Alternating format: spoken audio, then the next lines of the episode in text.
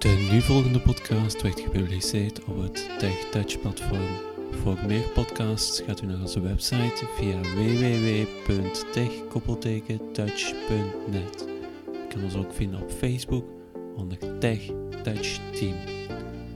Je graag zelf een podcast in te zetten, kan dat via het formulier dat je terugvindt op onze website. Goedemiddag luisteraar, welkom bij deze nieuwe podcastreeks rond het mobiele besturingssysteem Android.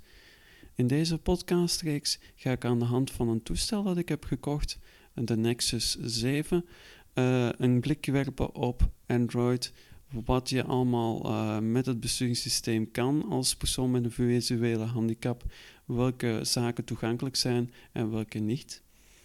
In het eerste gedeelte ga ik een korte geschiedenis beschrijven van Android in vergelijking tot iOS van Apple en ook wat betreft de toegankelijkheid, hoe dat ontwikkeld is. En ga ik ook een korte unboxing doen van het toestel dat ik heb gekocht, de Nexus 7. In het tweede gedeelte van de podcastreeks ga ik het dan verder hebben over hoe je uh, de setup doet, dus hoe je het toestel voor de eerste keer installeert en of dat het mogelijk is als persoon met een visuele handicap om dit op je eentje, dus zonder begeleiding, te doen. Daarna gaan we verder ingaan op hoe je spraak uh, synthesizers installeert, hoe de Play Store werkt en hoe je bepaalde apps kan toevoegen op je toestel. In verdere delen zal ik dan ook nog dieper ingaan op de verschillende menus, de toegankelijkheidsmenus en de algemene instellingen, zodat je een indruk krijgt van wat er allemaal mogelijk is met Android. Daarop kunnen nog verdere delen volgen, maar dat laat ik een beetje over aan jullie. Indien jullie feedback geven op deze podcastreeks, kan ik nog specifieke delen wijden aan vragen of opmerkingen van jullie en dat aan de hand van het toestel dat ik in mijn bezit heb eventueel tonen. Maar laten we bij het begin beginnen. Android. Um, deze podcastreeks heeft niet tot doel om een vergelijking te maken of om zeker niet om een beslissing te vellen over wat het beste besturingssysteem is voor smartphones en tablets. Uh, of dat het iOS is, Android of eventueel nog een ander besturingssysteem. Ik wil hier enkel de mogelijkheden van Android en de toegankelijkheidsopties van het besturingssysteem schetsen. Dus de vergelijking ga ik wel regelmatig maken, omdat iOS voor de meeste mensen heel bekend uh, voorkomt, terwijl Android minder bekend is, maar toch wel interesse blijkt te zijn naar dit besturingssysteem. Maar laten we bij het begin beginnen, zoals ik al zei: Android. Android is in 2008 overgekocht door Google.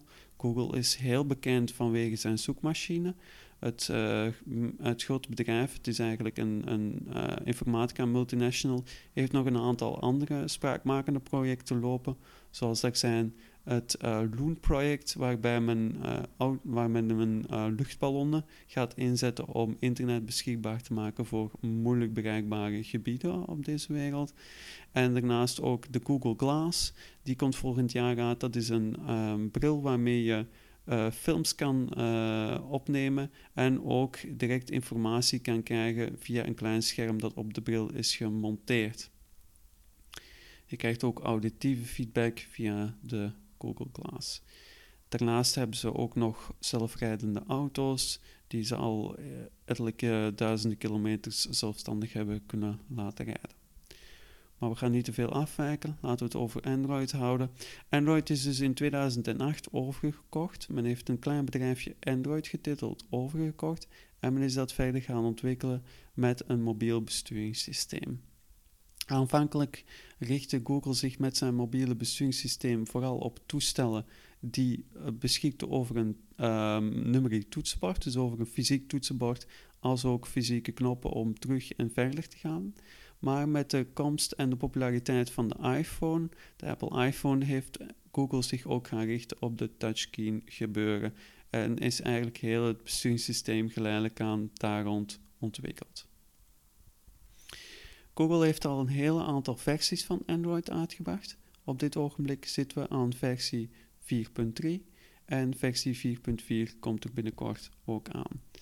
De verschillende versies hebben naast een versienummer ook een naam van een dessert meegekregen. Bij ehm, Mac OS X zie je dat ook. Daar krijg je de dierennamen en nu ook eh, in de laatste versie, de opkomende versie, gaat men steden gebruiken. Maar bij Google gebruikt men dus dessertnamen. Een aantal voorbeelden zijn uh, cupcake, donut, eclair, frozen yoghurt, gingerbread, uh, honeycomb, ice cream sandwich en de laatste versie jelly bean. En de versie die er binnenkort aankomt zal KitKat heten. Dat is een aantal dagen geleden bekendgemaakt door Google. Wat betreft de, de toegankelijkheid, merken we toch dat er een duidelijk achterstand in het verleden was tussen iOS en Android. Laten we bij de eerste versies uh, bekijken. Daar was de toegankelijkheid echt onbestaande. Het is pas vanaf versie Frozen Yogurt 2.2 dat er enige toegankelijkheid is toegevoegd. Die toegankelijkheid was echter nog vrij beperkt. Eerst en vooral moest je een toestel hebben dat een fysiek numeriek toetsenbord beschikte en ook fysieke joystick om uh, de pijltjesfunctie te ondersteunen, want er was nog geen ondersteuning voor het touchscreen in deze uh, eerste toegankelijkheidsopties.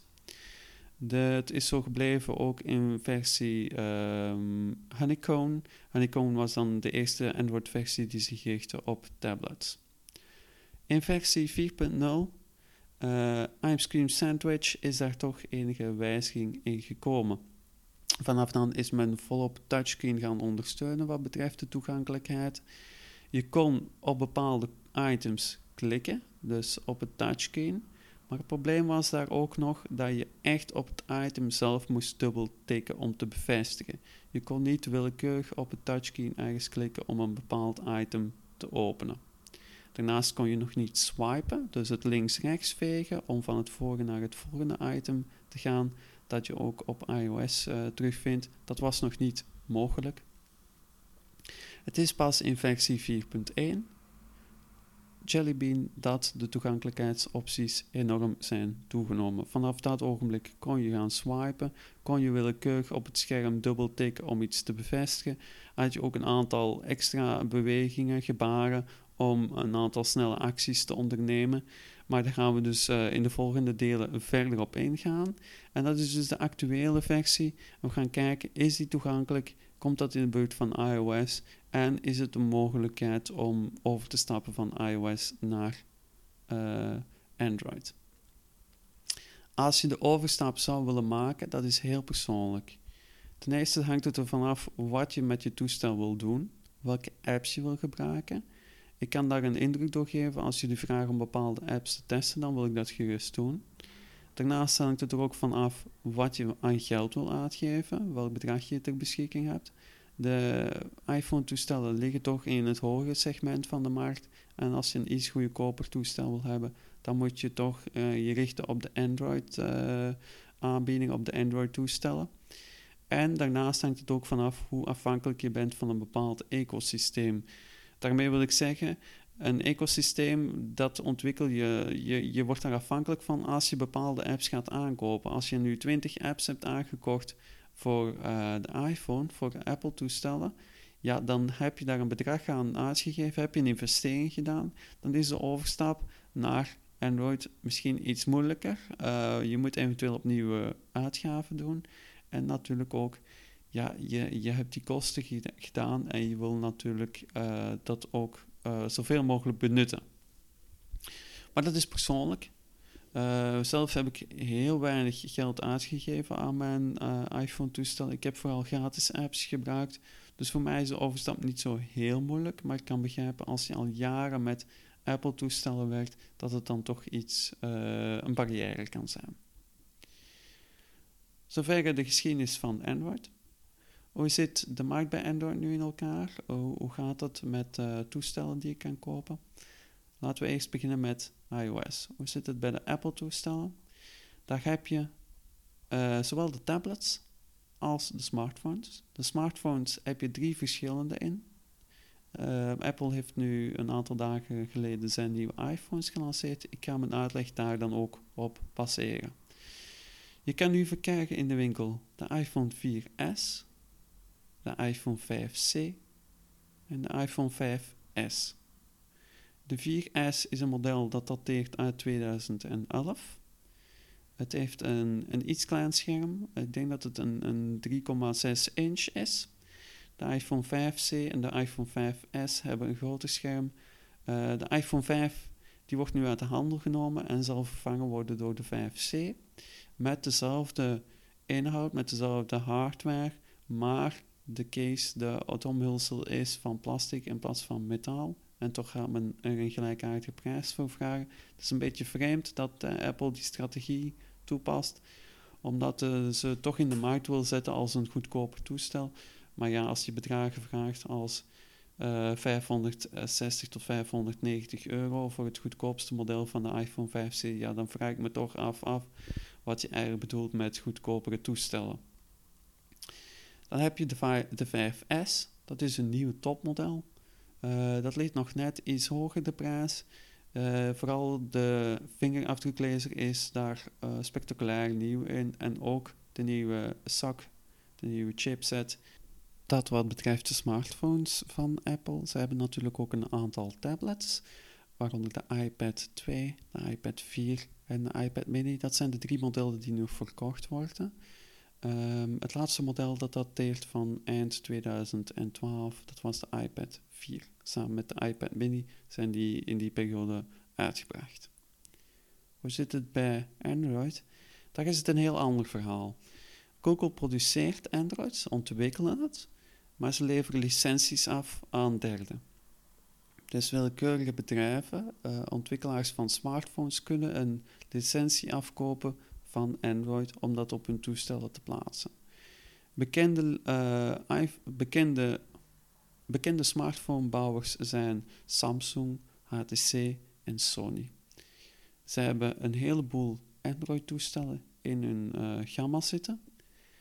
Je moet het een beetje vergelijken met een uh, licentie van Windows die een leverancier koopt en zij gaan dat op hun laptops draaien. Ze installeren daar dan ook extra software bij dit is hetzelfde bij Android, alleen gaat het daar een stuk verder.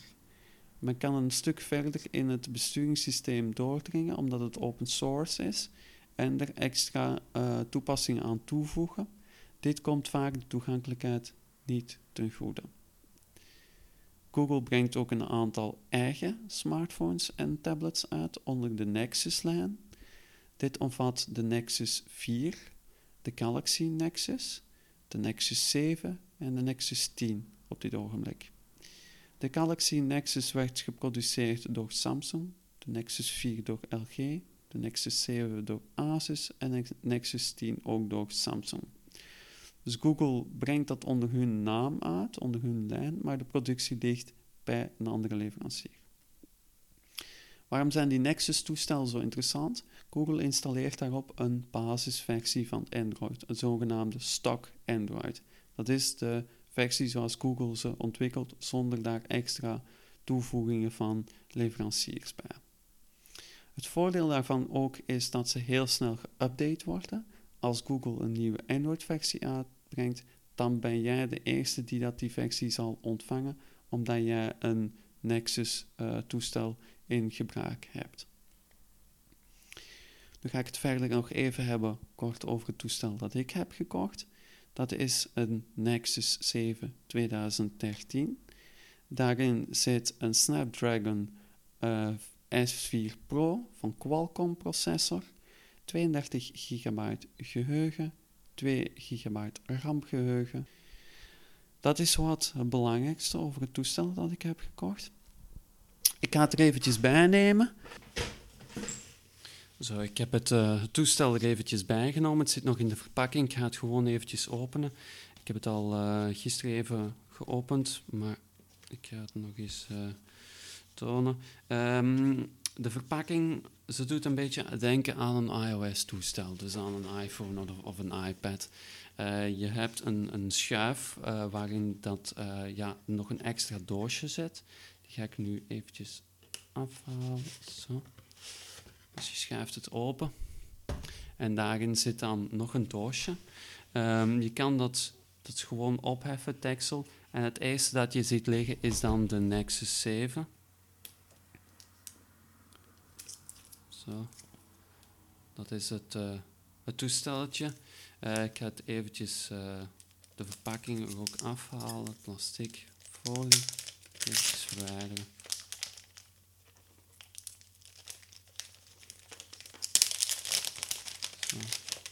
En dan heb ik hem uh, hier in mijn hand. Ehm, ik ga het even beschrijven, hoe ziet het toestel eruit. Het is een 7 inch, het is een, een tamelijk lang toestel. Nog niet zo lang als de iPad mini, maar het komt toch wel in de buurt. Um, aan de rechterzijde heb je een kleine knop, dat is om in en uit te schakelen. Dat ga ik voorlopig nog niet doen, dat is voor in de volgende podcast. Daaronder heb je een lange knop voor het volume op en uh, naar boven en naar beneden te doen. Onderaan het toestel, daar heb je de micro-USB-ingang om het toestel met de computer te verbinden. Aan de bovenzijde van het toestel vinden we ook nog de hoofdtelefoon-ingang. Dat is een gewone 3,5 mm mini-jack. Verder zit ook nog in de verpakking uh, een doosje, een extra doos met daarin, vermoed ik, nog een boekje met wat uitleg bij. Zo.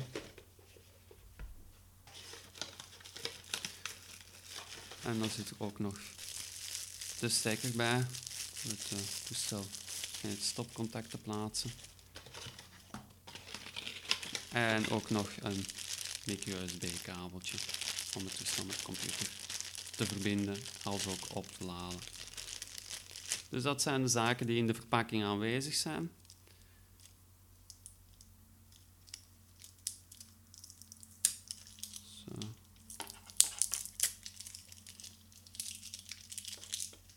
Dat mag weg. Dat ook. Ik denk dat we het daar voorlopig voor deze eerste podcast in de nieuwe Android-reeks kunnen bij laten. Um, ik ga heel snel het tweede gedeelte uiteraard online zetten. Dan kan ik zelf ook met het toestel beginnen spelen een beetje. Voor mij is Android ook volledig nieuw. Dus als je merkt dat ik bepaalde zaken, dat het voor mij ook een beetje oefenen is, een beetje zoeken. Ja, dat, dat ligt uiteraard daaraan. Hè. Dat, uh, het is voor mij ook allemaal heel nieuw, Android ik heb me wel een beetje ingelezen, maar het blijft natuurlijk ook voor mij een nieuw besturingssysteem.